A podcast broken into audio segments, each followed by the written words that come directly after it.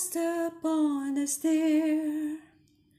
We spoke of was and when, although I wasn't there.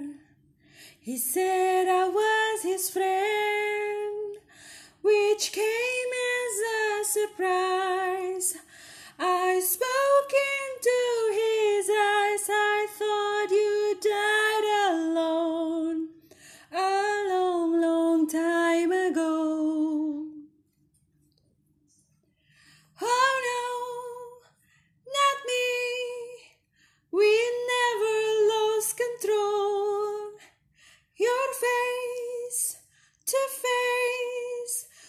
the man who sold the world.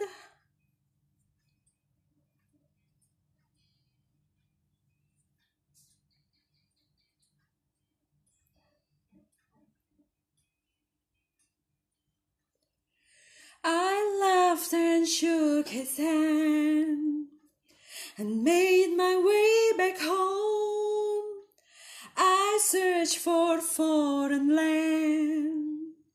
For years and years I've roamed.